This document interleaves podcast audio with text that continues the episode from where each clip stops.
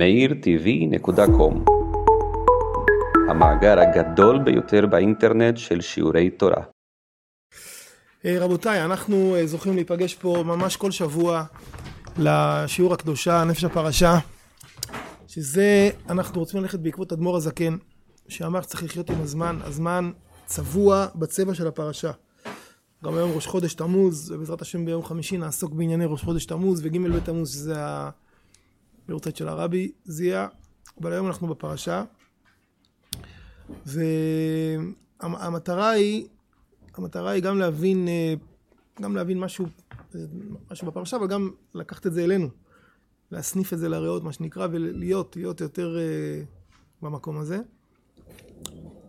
היום ננסה לבאר פרשייה עמומה, עסקו בה הרבה מאוד פרשנים, אבל דרך הבירור של הפרשה הזאת, אנחנו נבאר uh, בעזרת השם איזה משהו שטיפה יותר רחב, ונראה מה, מה, מה, מה, מה ילד יום, מה, מה יוליד לנו הקדוש ברוך הוא. קראתי לשיעור המטות המשולבים, מי שיודע, בארצות הברית, אז uh, הצבא האמריקאי בנו, יש להם פיקוד צפון, פיקוד דרום ופיקוד מרכז, אבל של העולם. פיקוד מרכז של העולם, אנחנו, אתה יודע, זה נקרא סנטקום. ברוך אתה, אדוני, מקום שהקונה יגור. סנטקום זה נקרא, center. יש להם פיקוד צפון, פיקוד זה, ויש להם, חוץ מזה יש להם צבא אחר שנקרא צי, navy, שהצי יש לו חיל אוויר משלו. ו... וחירניקים משלו, שזה המרינס. וחוץ מזה יש להם... ולמפקד של כל האירוע קוראים המפקד המטות המשולבים. כן? זה הרמטכ"ל שלהם. כי יש להם זה, כל דבר זה מטה בפני עצמו. הצי זה צבא בפני עצמו, עם רמטכ"ל בפני עצמו, כל אחד עם ה... המפקד של כל הצבאות נקרא המטות המשולבים, וזה גם השם של השיעור שלנו, המטות המשולבים, כי אנחנו הולכים לעסוק ב... במטות. המטה עומד במרכז הפרשה הקודמת, פרשת קורח והפרשה שלנו, פרשת חוקת, כאשר משה מכה במטה את, ה, את, הס, את הסלע במקום לדבר אליו. ובשבת התחלתי לעסוק בזה בגלל קורח, אז התחלתי, המשכתי לחוקת, ופתאום גיליתי איזה משהו, רוצה לשתף אתכם, איזה, היה כאילו דבר תמוה, וגיליתי אותו, רוצה לשתף אתכם. באופן בסיסי שאנחנו אומרים מטה, עולה לנו מיד המטה של משה רבנו. נכון, זה המטה, זה, זה, המטה הזה, עשו איתו את כל הזה, אבל כשבודקים, יורדים מה שנקרא, צריך לבדוק היום את הרבנים, לא להאמין ככה סתם. רואים דבר מאוד מאוד מוזר ומשונה. בואו תראו, בואו נצא למעקב אחרי המטות. המטה של משה והמטה של אהרון, שני מטות. המטה הראשון שאנחנו פוגשים נמצא בתחילת פרשת שמות, במעמד הסנה. משה רבנו אומר, ויעל משה ויאמר, והן לא יאמינו לי ולא ישמעו בקולי, כי יאמרו לו נראה עליך אדוני, ויאמר אליו אדוני, מה זה בידיך? ויאמר מטה.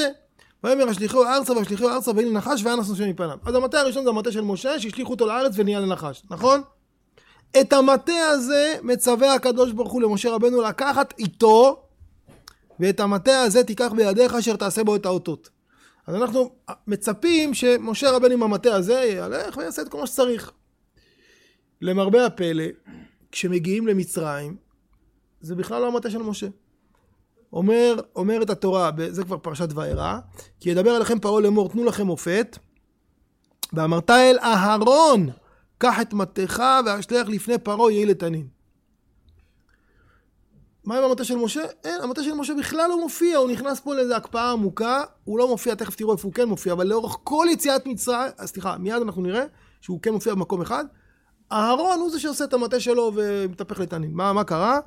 ויבוא משה ואהרון אל פרעה, ויעשו כאשר ציווה אדוני, וישלך אהרון את מטהו לפני פרעה ולפני עבדיו. ויהי נתניר.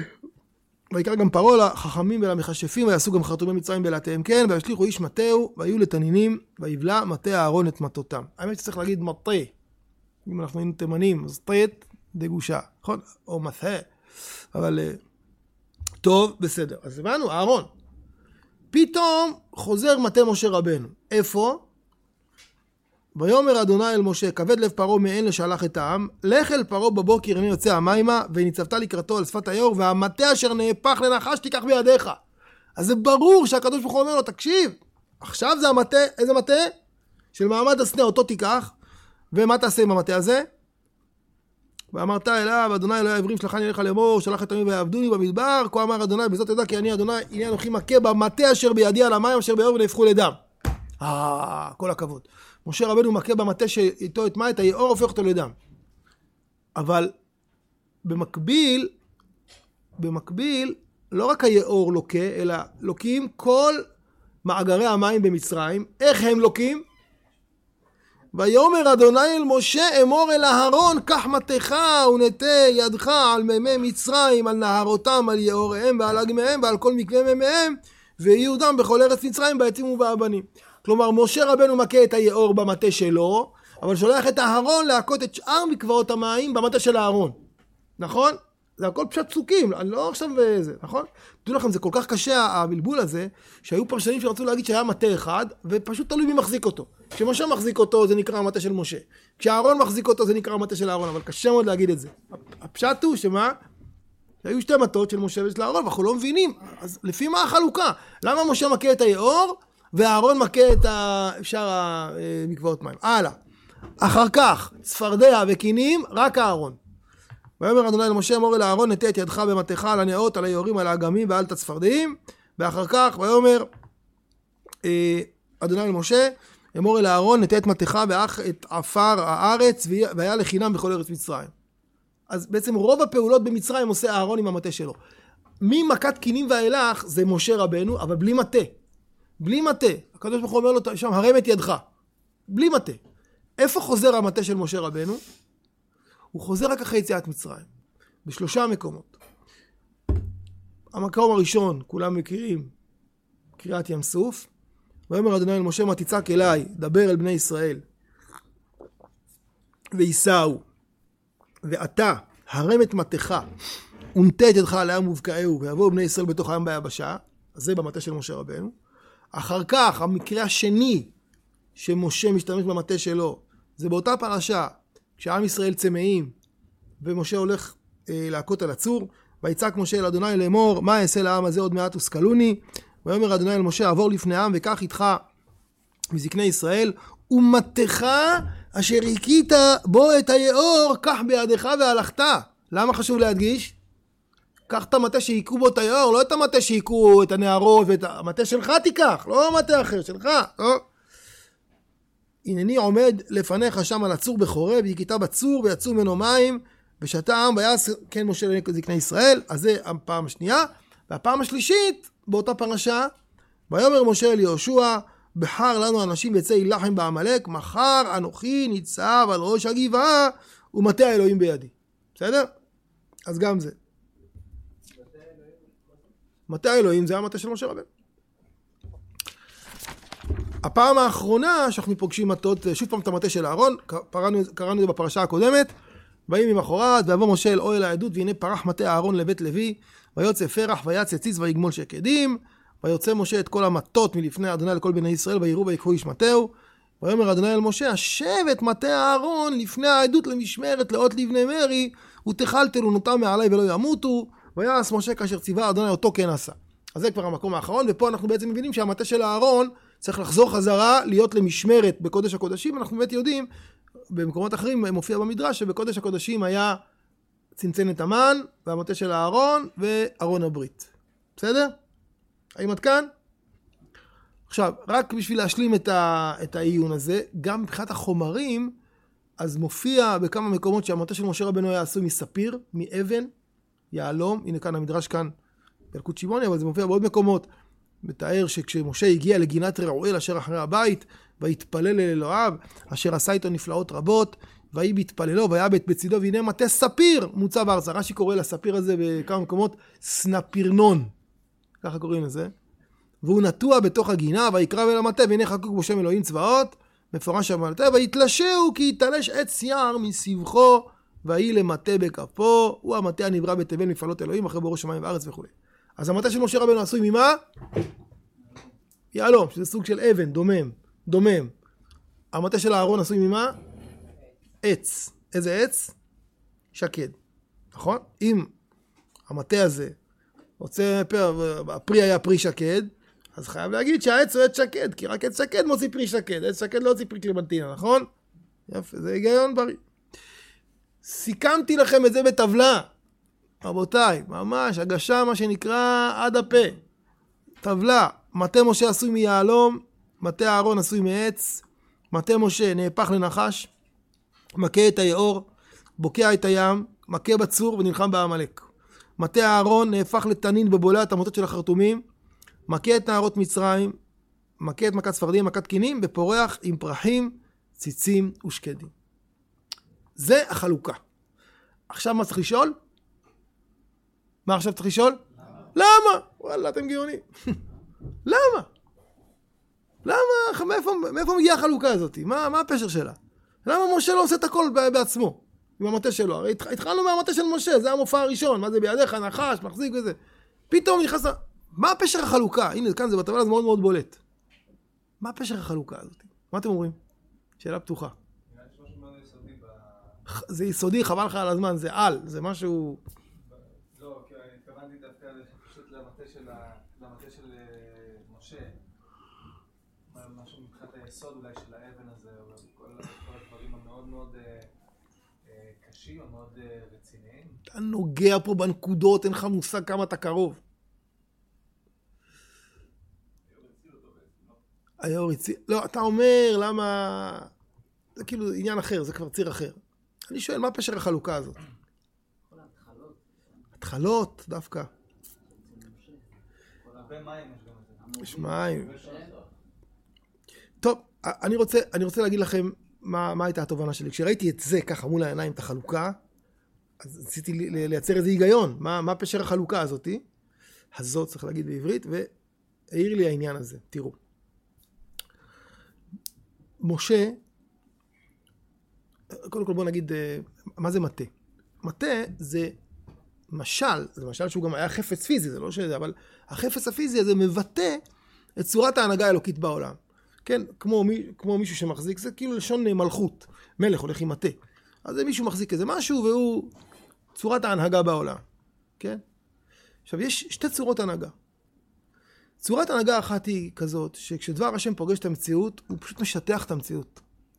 הוא משטח את המציאות. המציאות לא עומדת מול, מול דבר השם. דבר השם מיישר אותה לגמרי. בסדר? בטל לגמרי לדבר השם. זה, זה צורת הנהגה אחת.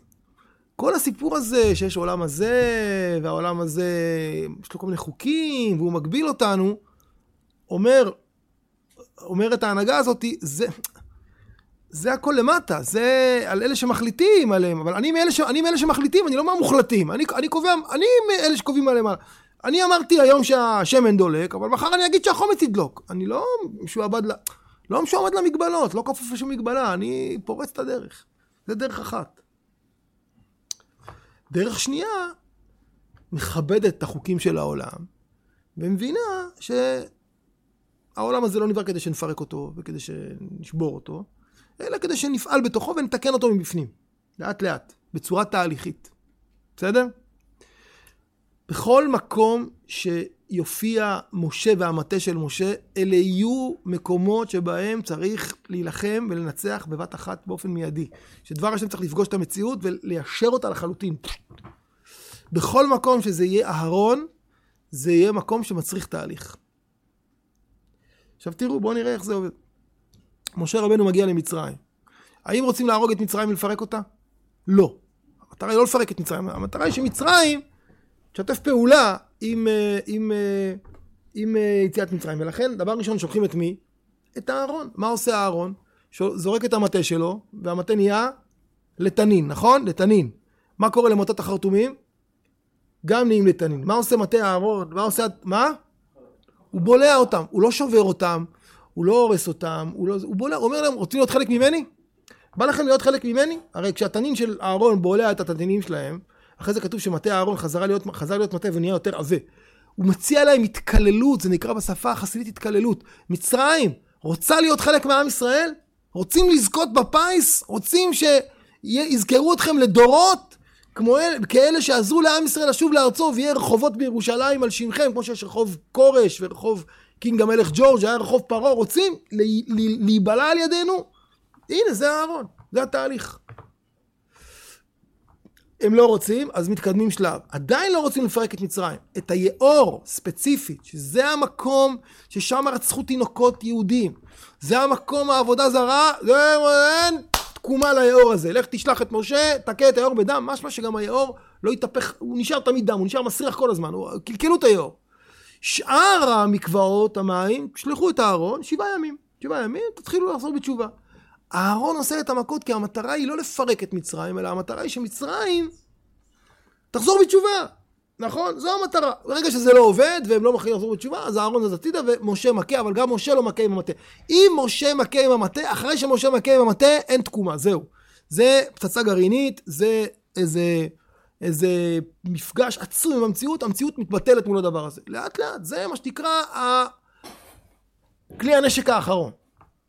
אז לכן לכל אורך יציאת מצרים יש רק את המטה של אהרון, חוץ מהיאור, רק את המטה של אהרון, וכשמשה מכה הוא מכה בעזרת הידיים.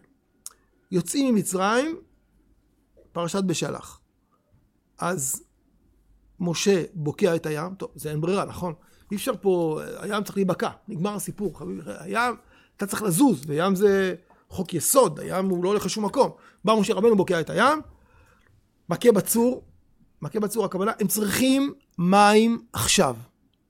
אין להם זמן, אין להם סבלנות, הם לפני דקה יצאו ממצרים, זה עם של עבדים, הם מבוהלים, הם מפוחדים, הם לא יודעים מה זה, הם לא פנויים כרגע לשמוע שיעורים באמונה, ולא פנויים כרגע לשמוע כל מיני דברים, הם צריכים מים עכשיו, כאן ומיד. קח את המטה, לך לצור, תכה בצור, יהיה מים, זהו. יכול להדליק את המזגן? אני מבין שהמזגן פה לא, לא נותן... שכחו להדליק אותו, תודה. וכמובן, אה, השם יברך אותך. נכון? אתם מרגישים עכשיו את ה... יפה. וכמובן, עמלק. עמלק, לא לקחת שבויים, לא לעשות שלום, לא להיות נחמדים. עמלק, מחות תמחה את זכר עמלק. זהו, מטה האלוהים בידי, אני הולך, זה, זה המטרה. לא הצליחו, כי היה שם כל מיני אילוצים, אבל המטרה בעמלק זה לא להגיע איתו לאיזה הסדר. המטרה היא בעמלק למחוק אותו. זה משה. מה?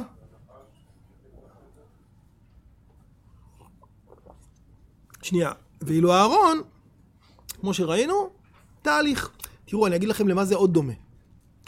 זה קצת דומה להבדל בין המשכן לבין בית המקדש. ממה עשוי בית המקדש? רק מאבן. רק מאבן. גם העצים של בית המקדש מצופים מזהב. וממה עשוי המשכן? המשכן, המשכן, הבסיס שלו זה אדנים מדומם, ממט... מכסף, הקרשים מעץ, והיריעות מעור, מחי. כלומר, הוא בנוי מדומם, צומח וחי, ובתוכו המדבר. המשכן הוא הרבה יותר תהליכי. הוא גם מתפרק, אתה מפרק אותו, מרכיב אותו. המשכן הוא מלווה אותך בתוך התהליך, אתה בתוך תהליך, המשכן איתך. נכון? המקום שהמשכן אתמול היה בו, אני יכול, אני גם יכול להיכנס אליו, כי ברגע שהמשכן זז משם. בית המקדש זה מקום שהוא, אתה מגיע לשם ההנהגה האלוקית, אין תהליכיות, זה כאן עוצמה, הזר הקרב יומת, ככה. והמשכן הוא יותר מתחשב. אז אהרון הוא המשכן ומשה הוא המקדש. בסדר? זה האירוע. עכשיו, תראו שזה בא לידי ביטוי במטה של אהרון בעצמו. במטה, אמרנו, המטה של משה רבנו עשוי ממה? מיהלום. איזה, איזה אבן? אתה יודע, אמר לי פעם, אה, הלכתי לקנות, אה, הלכתי לקנות לאשתי יהלום. טבעת יהלום, לפני כמה הרבה שנים. ואז קניתי עוד הרבה יהלום, כן, אבל... אז כבר אה, היה כאן במכון מישהו שהיה לו איזה דוד שעבד בבורסה, אז אה, התקשרתי אליו. אז הוא אמר לי, שמע, אם אתה רוצה כבר לקנות יהלום, תבוא, נעשה לך סיור בבורסה. אמרתי, יאללה, נרוויח. מה זה? הגענו שם אחרי צהריים, עשינו סיור. מקום מאוד מעניין, היינו בבית, שם בית כנסת נורא יפה. מקצוע מאוד, מקצוע מעניין. והוא לאורך, כל, לאורך הטיול, הוא שיתף אותנו בכל הפילוסופיות שלו על הזה. אז הוא אומר לי, אשתי, אני צריך להגיד לך תודה, גברת. אמרתי לו, למה? צריך להגיד לך תודה, כי את אוהבת יהלומים. אם כל האנשים בעולם יחליטו שהם אוהבות חצץ, אני אעבור למכור חצץ. זה לא איזה... כאילו הוא בא להגיד שיהלום הוא יקר כי, כי כולם רוצים אותו, אבל אם לא היו רוצים... אבל זה לא, זה לא מדויק, מפני שיהלום יש לו גם תכונה. מה התכונה המרכזית של יהלום? איך? הוא נשבר. הוא נשבר. לא, מה, אתה צודק, אבל תדייק רק. הוא לא נסרט. הרי ברור שיהלום נשבר, אחרת איך אתה, איך אתה מלטש אותו? אתה יכול לשבור יהלום, כל מיני, יכול גם להתרסק, אבל הוא לא נסרט. ברגע שיש לך יהלום, ואתה מחכך אותו עם כל דבר בעולם, הדבר יישרט ולא היהלום. בסדר? מובן? כלומר, יש לו איזה חוזק כזה, שבכל מפגש עם המציאות הוא נשאר נקי. יהלום יש לו אה, ארבע דרגות, יש לו דרגת אה, גודל, צבע, אה, ניקיון ואופי הליטוש, איכות הליטוש, כאילו ההשתקפות של האור, זה כאילו A, B, C, D נדמה לי. יש אנשים שזה המקצוע שלהם, כל היום בוחנים יהלומים וקובעים להם ציונים. אבל חוץ מזה, ליהלום, ולכן יש מסור יהלום וכל הדברים האלו, כשיהלום נפגש עם המציאות, מי הולך אחורה מפנימי? המציאות תזוז אחורה, לכן יש מסור יהלום שיכול לקדח, לנסר בטון מזוין. זה, זה, זה, זה ממש מתאים למטה של משה רבנו. והמטה של אהרון ממה עשוי? עץ. יפה. עכשיו, המטה של אהרון עשוי מעץ, כי אהרון הוא נבחר בכל זה, אבל אם אהרון הוא הנבחר, אז היינו מצפים שבמטה אהרון, כשיעשו את הבחינה בשבת, ש... בשבת שעברה, אז אה, הכניסו אותו מטה אהרון וזה, אה, אז אוקיי, זה עץ שקד, אז מה צריך לגדול על, ה... על, ה... על המטה הזה? שקדים, פירות שקדים. לא גדלים שקדים, מה גדלים? מה גדלים?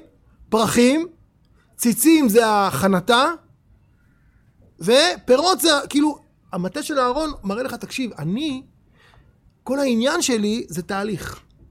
אני מבין שיש פרחים, אני מבין שיש חנתה אחרי הפריחה, אני מבין שאחרי זה מגיע שקט, אני יודע להעביר תהליכים, אני, זה אהרון הכהן, הוא יודע, אוהב שלום, רודף שלום, אוהב את הבריות, מקרבן לתורה, הוא... משה רבנו, אין תהליך, משה רבנו זה, כשמשה מגיע, המציאות מתיישרת. כמו הענן שהולך לפני המחנה ומיישר להם את ההרים ואת הגבעות, הכל זה, אין פה משחקים. דבר השם! מה זה כל המגבלות האלה של העולם הזה? מה זה כל המשחקים? משה רבנו לא אוכל 40 יום, לא שותה 40 יום. הוא כאילו, הוא אומר, אני, העולם הזה הוא, הוא, הוא אפשרות, אבל הוא לא חובה. אני יכול לעשות מה שאני רוצה, אני קובע על העולם הזה. ואילו אהרון אומר, אנחנו חיים בתוך העולם הזה, אז צריך לפעול בתוכו. האם עד כאן? יפה. עכשיו, למה אמרתי לכם את כל ההכנה הזאתי? כל ההכנה הזאת היא בשביל לקרוא, אני מבקש שפשוט נקרא קריאה של ילדים ממש בגן. וכשאני אומר ילדים בגן, אני מתכוון למעלה, כי אימא שלי הייתה גננת 44 שנים. אני חושב שבשביל להיות גננת צריך לקבל 800 פסיכומטרי, לא פחות. רק 800 פסיכומטרי יכולות גננות. 700 פסיכומטרי זה מורים כיתה א', ככה זה... וככל שזה יורד, אז אתה... הכי... למטה זה מרצים באוניברסיטה, מספיק להם 100 בפסיכומטרי. זה לא צריך להיות גננת, ללמד ילדים קטנים, תורה, צריך להיות גאון. ברגש, גאון במידות, גאון בכל... בואו נקרא את הפסוקים כמות שהם. שלנו, של הפרשה שלנו. וידבר אדוני אל משה לאמור. קח את המטה, והקהל את העדה, אתה ואהרון אחיך, ודיברתם אל הסלע לעיניהם ונתן מימיו, והוצאת להם מים מן הסלע, והשקית את העדה ואת בעירם. טוב, הקדוש ברוך הוא מצווה את משה רבנו, יש פה מה שנקרא אה, ציווי סותר, נכון? יש פה ציווי סותר. מצד אחד, קח את המטה. מטה לוקחים למה? להכות. גם יש תקדים. כבר היה לנו סיפור קודם שאמרו לקחת את המטה ולהכות. מצד שני כתוב דיברתם. אז איך משה רבנו ידע מה לעשות? נגיד שהוא היכה את הסלע, בסדר? אבל עדיין יכול לתרץ, להגיד, הקדוש ברוך הוא, אבל אתה אמרתי לקחת את המטה, אז מה, מה אתה רוצה? אבל מה השאלה שצריך מיד לשאול? איזה מטה? איזה מטה הוא אמר לו לקחת? ויקח משה את המטה מלפני אדוני כאשר ציווהו. איזה מטה נמצא לפני השם? מה אתה עושה ככה? קראנו את זה לפני כן. ויוצא, נכון, ויאמר אדוני אל משה, השב את מטה אהרון לפני העדות למשמרת לאות לבני מרי, ותחל תלונותם מעלי ולא ימותו. איזה מטה נמצא לפני השם בקודש הקודשים? המטה של אהרון. אז הקדוש, זה פשט. הקדוש ברוך הוא אומר למשה רבנו, קח את המטה של אהרון, את המטה הזה, ואם זה המטה של אהרון, אז מה עושים עם המטה של אהרון? תהליכים. תהליכים, איך זה... מדברים. כלומר, אומר הקדוש ברוך הוא למשה רבנו, קח את המטה של אהרון, לא, ותדבר. כאילו תהיה אהרון קצת. ויקח משה את המטה לפני אדוני כאשר ציווהו. ויקהילו משה ואהרון את הקהל על פני הסלע, ויאמר להם, שמעו נא המורים. תחזקו, תחזרו רגע לתחילת הדף. ויאמר אדוני אל משה, השב את מטה אהרון לפני עדות למשמרת לאות לבני מרי. נכון? המטה של אהרון הוא אות לבני מרי, שמעון האמורים, הכוונה, אוקיי, אתם מורים, אתם זה, אני צריך להסביר לכם, אני צריך לדבר איתכם, צריך להעביר איתכם תהליך. שמעון האמורים, יפה, מצוין, זה הולך לכיוון הנכון. המין הסלע הזה נוציא לכם מים? מעולה. כל מורה יודע ששיעור טוב מתחיל במה? באיזה פינה? לעומקם של דברים. מה פשר הפינה הזאת? שאלות. משה רבנו שואל כאן שאלה. ככה נראה מורה מצוין. ככה נראה מורה שאומר, אוקיי, הרי, הרי משה, יודע, משה לא יודע את התשובה, הוא יודע, הוא, ברור שמסלע. אבל שאתה רוצה ככה, אריאל עם התלמידים, ככה, זה, אתה נותן להם שאלה, תגידו, מה אתם אומרים? יצא מים, לא יצא מים, מה אתם אומרים? זה, מה, מה נראה לך? זה שאלה ככה, ואז מתחיל אינטראקציה, ואז, ואז מתחיל תהליך למידה, מתחיל תהליך. ועכשיו, אני רוצה לקרוא לכם דעתי איך זה היה. וירם משה את ידו, הרי משה רבנו הולך, יש לו, יש לו, יש לו מטה אחד ביד של אהרון הכהן, שזה המטה שהקדוש ברוך הוא ציווה אותו להרים. לקחת.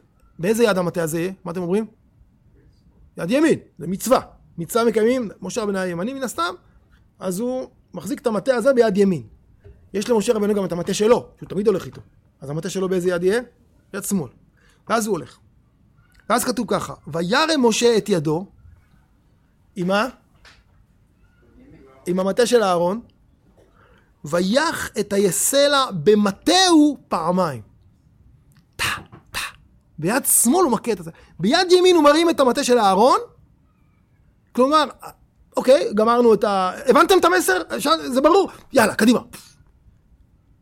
והוא כאילו, בשנייה האחרונה הוא חוזר להיות משה.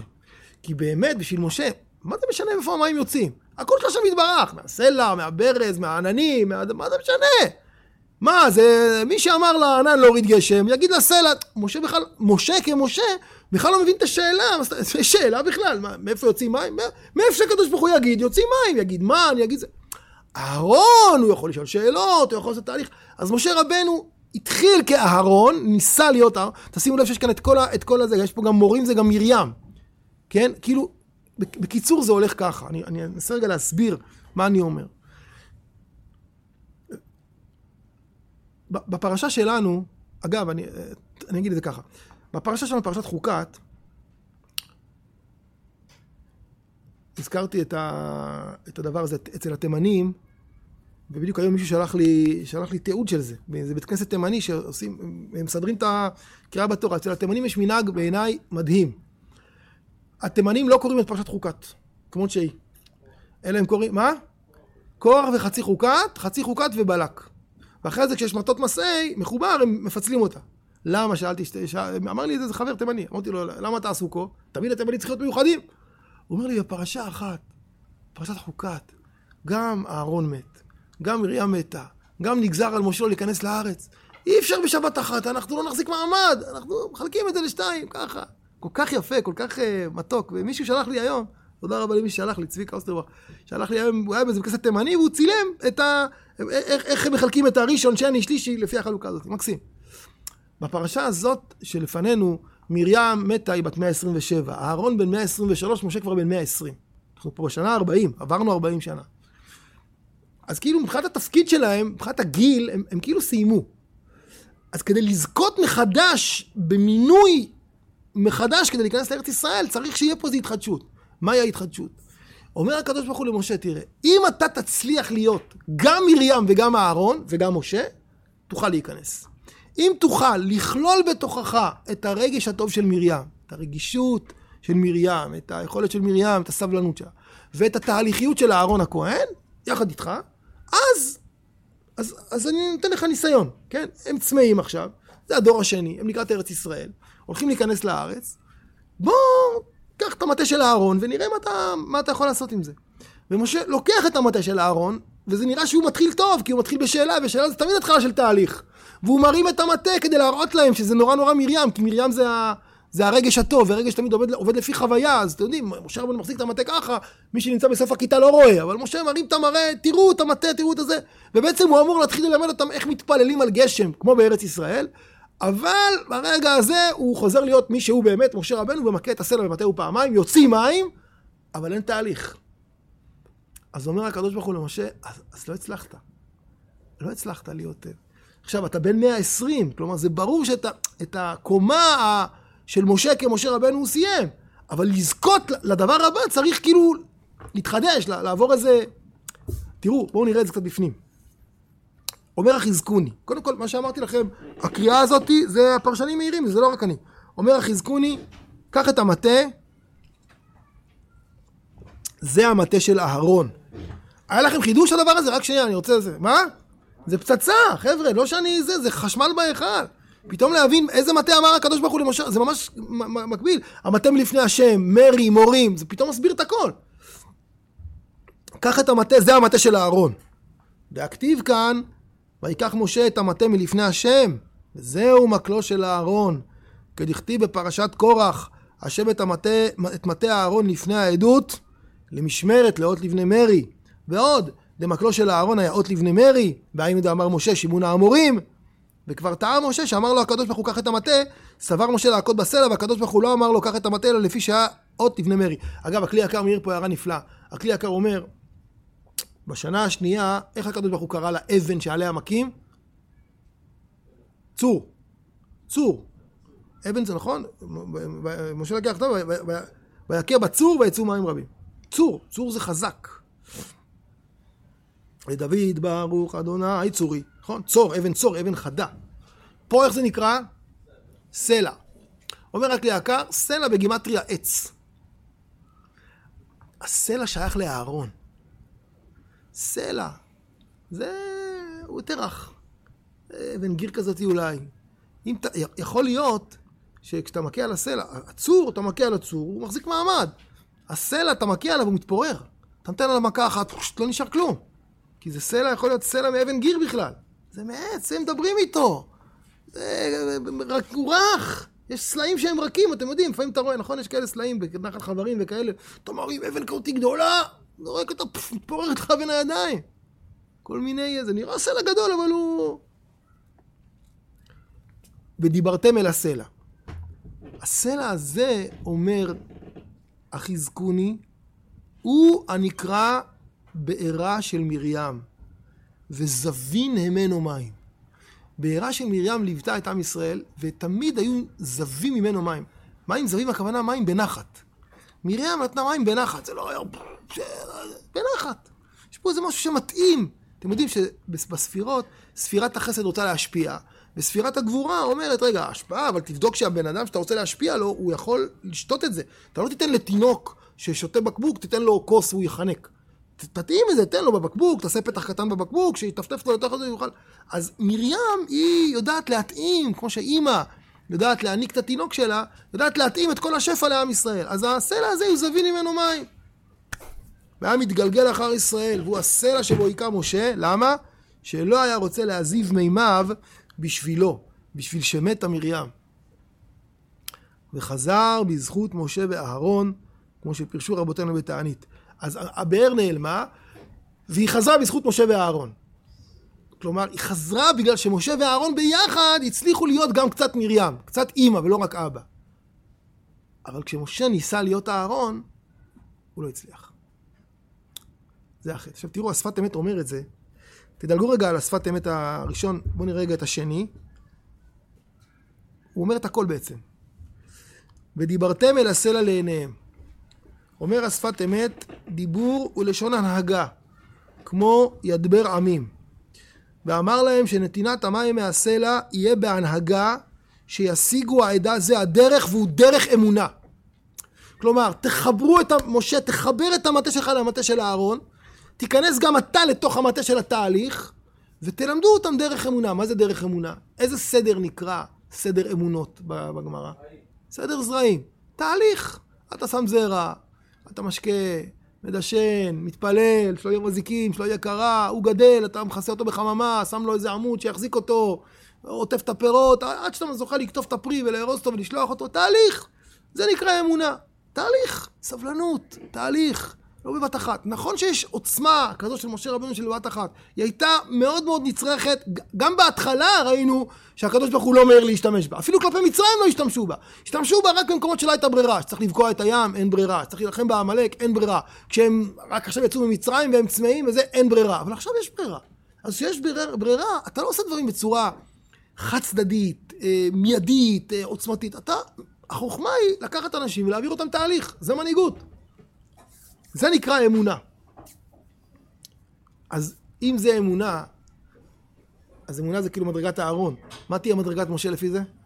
מה הבן זוג של אמונה? אמת!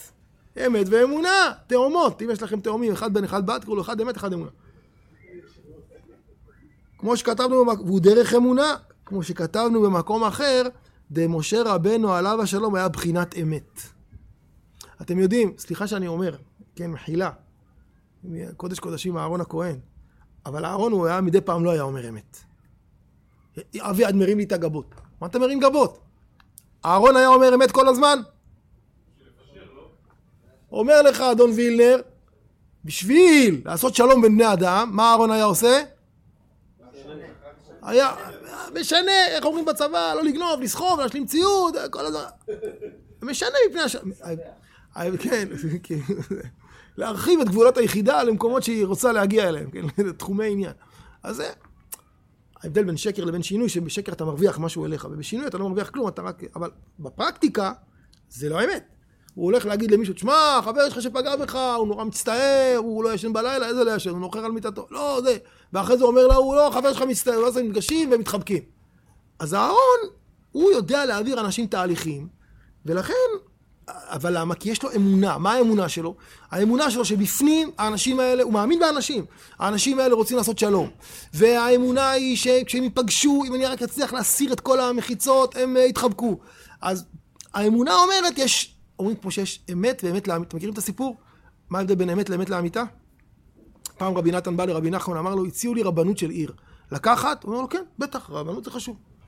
הוא אומר לו, האם, אבל האם זה אמס בשבילי? האם זה... הוא אומר לו, כן, זה אמס. אז הוא אומר לו, האם זה אמת לאמיתה? הוא אומר לו, לא.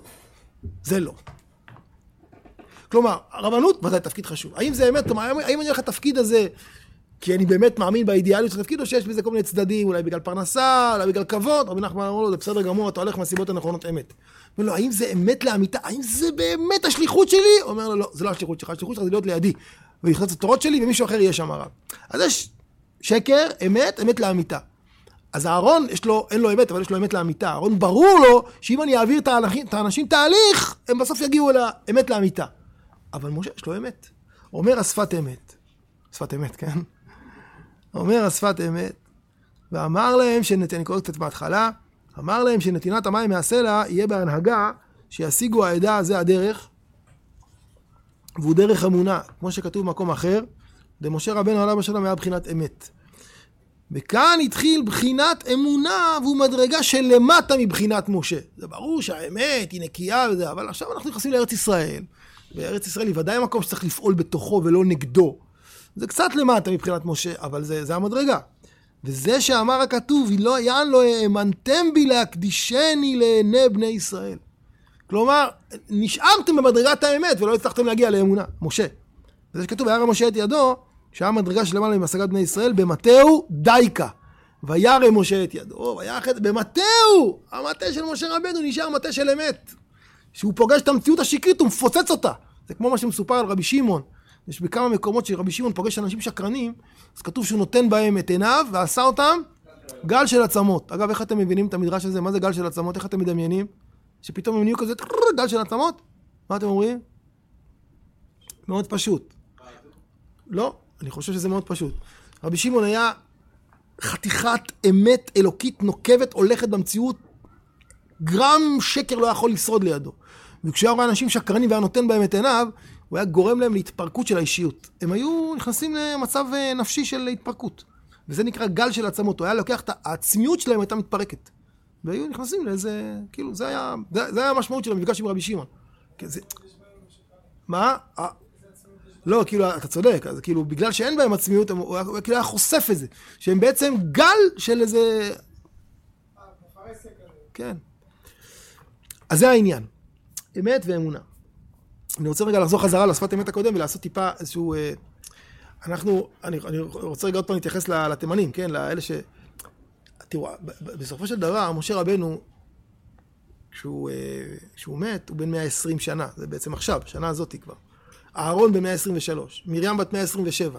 כתוב בפרשת נוח, לא ידון רוחי באדם בשגם ובשר והוא ימיו 120 שנה. זה כאילו, הם הגיעו ל... הם הגיעו ל... זה, נכון? מבחינת הגיל, אז מה, מה הציפייה? זה ברור שכמו יש נגיד אה, נשל הנחש, נכון? הנחש, הוא יודע להשיל את האור הקודם שלו ולקבל כאילו אור חדש. אז זה ברור שמשה רבנו, מדרגת משה הראשונה של ההוצאה ממצרים, מתן תורה והולכה במדבר, זה חטיבה אחת, זה 120, אבל אם משה היה מצליח, יחד עם אהרון, להתחדש לגמרי וזה, אז הוא היה מקבל עוד 120 שנה, בסדר? לארץ ישראל. תראו, אומר את זה השפת אמת נורא מאוד מאוד, מאוד יפה. כתוב בפסוק, יאסף אהרון אל עמיו כי לא יבוא אל הארץ אשר הבטחתי לאבותיכם וכולי. שואל השפת אמת שאלה למדנית, יש להקשות ממה נפשך? אם לא הגיע זמנו להסתלק מן העולם, וכי בעבור שלא יבוא חיסר השם יתברך משנותיו, אם אהרון לא צריך להמשיך לחיות, אז בגלל שעם ישראל צריכים להיכנס לארץ ישראל, אהרון אשם? תשאיר אותו בחיים מחוץ לארץ. כאילו, מה הוא אשם? בסדר? הוא צריך להמשיך, אם הוא צריך לחיות עד 130. אז מה הוא אשם שעכשיו עם ישראל נכנסים לארץ ישראל? אז שישאר בחיים מחוץ לארץ. והלא אמרו חז"ל, שהקדוש ברוך הוא יושב וממלא שנותיהם של צדיקים מיום ליום. ואם הגיע זמנו, אם היום של אהרון הגיע, הוא צריך לחיות בדיוק עד גיל 123, עד ראש חודש אב, בן 123. אז אין צריך לטעם כי לא יבוא. גם אם עם ישראל לא הולכים להיכנס לארץ ישראל, אהרון צריך למות. אבל באמת, אומר השפת אמת, זמנו של אדם הוא כשכבר פעל בעולם העבודה שנצרך לו לתקן ולקיים המצוות השייכים אליו. אדם חי לא לפי השנים שיש לו, אלא לפי המשימות שיש לו. לפי המשימות אתה מקבל את הזמן. ולכן ביקשו משה ואהרון להיכנס לארץ ישראל. משה ואהרון מבקשים מהקדוש ברוך הוא, תוד אבא, הטלת עלינו משימה ראשונה שלקחה לנו, אהרון היה בן 83, משה היה בן 80, לקחה לנו 40 שנה, סיימנו אותה, הבאנו את בני ישראל לקו הגמר, אנחנו יכולים עכשיו כרגע להזדכות וללכת אה, לזה. לא, תן לנו עוד משימה. אנחנו עכשיו רוצים להכניס אותה. אומר הקדוש ברוך הוא, אין בעיה, עוד משימה, משימה. יש לי בשבילכם מבחן מעבר למשימה הבאה, המבחן הזה. האם משה יצליח להיות, להתקלל באהרון? האם תצליחו לחבר את המטות, המטות המשולבים, שמטה משה יתחבר עם מטה אהרון? אם היו מצליחים, מה היו מקבלים? עוד 80 שנה, קחו. לא הצליחו, גמרתם פה, ב-120 וכולי. אמ, אז זה משפט חזק, רגע, רגע, האח של וילנר, שאתה וילנר בעצמך גם, נכון? אבל באמת זמנו של אדם הוא כשכבר פעל בעולם העבודה שנצטרך לו לתקן, הוא לקיים מצוות השייכים אליו. לכן ביקשו משה ואהרון לכנוס לארץ ישראל, לקיים מצוות התלויים שם, ולכן אם היה מוכן לכנוס, אם אהרון ומשה היו מצליחים, לא היה זמנו להסתלק עדיין. רק כי לא יבוא, ממילא כבר שילם עבודתו. שילמו את עבודתם. אבל אני חושב שהרווחנו בשיעור הזה גם את הכרת הערך של התהליכיות. זה לא אילוץ, זה לא איזה פגם, זה, זה הדבר, אחד הדברים הגדולים ביותר, וגם הרווחנו ביאור של פשט לגבי כל הסדר בין המטות, מתי מופעל המטה הזה, מתי מופעל המטה הזה, והניסיון של הקדוש ברוך הוא לחבר את המטות ביחד בפעולה אחת אצלנו בפרשה, כדי להשקות את העדה. אגב, מה שכתוב כאן, והשקטה את העדה ואת בעירם, הכוונה שהם ישתו מהדבר הזה, כולם, כולם ירבו מענייני התהליך, ודרך הדבר הזה ייכנסו לארץ ישראל, ארץ של תהליך, ארץ של עונות, ארץ של אה, זריעה, קצירה, בצירה, זו ארץ ישראל. שנזכה לזה. ברוכים תהיו. כן.